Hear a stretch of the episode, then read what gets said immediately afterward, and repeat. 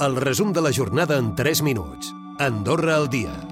La Copa del Món Femenina ha estat un pas més per poder organitzar els Mundials per al 2029.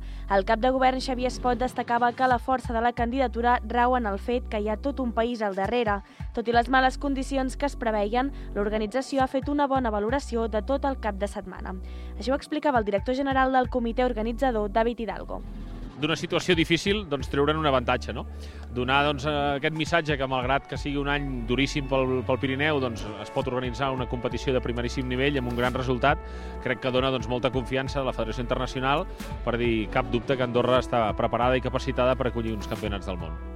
Anna Sven Larsson ha estat la guanyadora en la segona Copa del Món disputada a Andorra. L'esquiadora sueca s'ha imposat a la primera mànega i ha sabut defensar el lideratge a la segona. La croata Srinka Jutic, la nord-americana Paula Molzan han completat el podi. Les escoltem. I feel amazing. I, em sento genial, ara mateix no sé què dir. És increïble, estic molt orgullosa de mi mateixa i del meu equip. Avui és un dia que no oblidaré mai. He quedat sorpresa quan he arribat primera a la final, perquè he anat al límit tota l'estona, especialment a l'arribada amb alguns errors, però estic contenta que la lluita hagi valgut la pena. És el meu primer podi de l'any. Competeixo amb noies molt bones. Podria estar més contenta. La pista s'ha mantingut en molt bones condicions gràcies als voluntaris. El cap de setmana ha estat un repte. Pel que fa a la participació andorrana, Carla Mijares no ha pogut completar la primera mànega. L'esquiadora que sortia amb el dorsal 51 ha perdut la traça i ha caigut l'equador de la cursa. Per altra banda, la coordinadora per un habitatge digne culpa els youtubers, els fons voltors i a les famílies adinerades de fer especulació. Critiquen que la permissivitat del govern davant l'especulació està empobrint la població i demanen posar fi a aquestes pràctiques que no han fet més que convertir l'habitatge en un producte comercial inaccessible per a molts.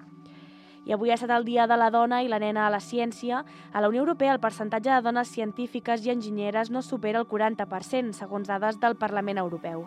Per tal de potenciar l'interès de les noies i remarcar la importància femenina en aquest camp, un any més Andorra Recerca Més Innovació ha celebrat la jornada amb aquest any la robòtica com a tema central amb activitats a les escoles. Escoltem el director de l'UP, Joan Rovira. Veiem any rere any que, que les noies que s'apunten eh, va en augment. No? El que ja observem fa uns anys és que, és que les nenes o noies doncs, tenen unes, unes aptituds, unes capacitats que les fan bastant idònies, no? per, per, sobretot per la, robot, per la robòtica educativa. No? En camp ha celebrat el judici dels contrabandistes, la sàtira s'ha resolt amb molta crítica per la composició del nou comú i la problemàtica de l'habitatge. I Escaldes en Gordany ha estat el torn de la calçotada popular a més de 800 racions. Escoltem la cònsul major de la parròquia Rosa Gili. Qualsevol acte d'aquest tipus és l'ocasió per retrobar-nos una mica tots, per fer poble, no? és una mica el que té aquesta, la cultura popular en aquest sentit, no? un retrobament, un dia de festa en el qual es poden compartir coses.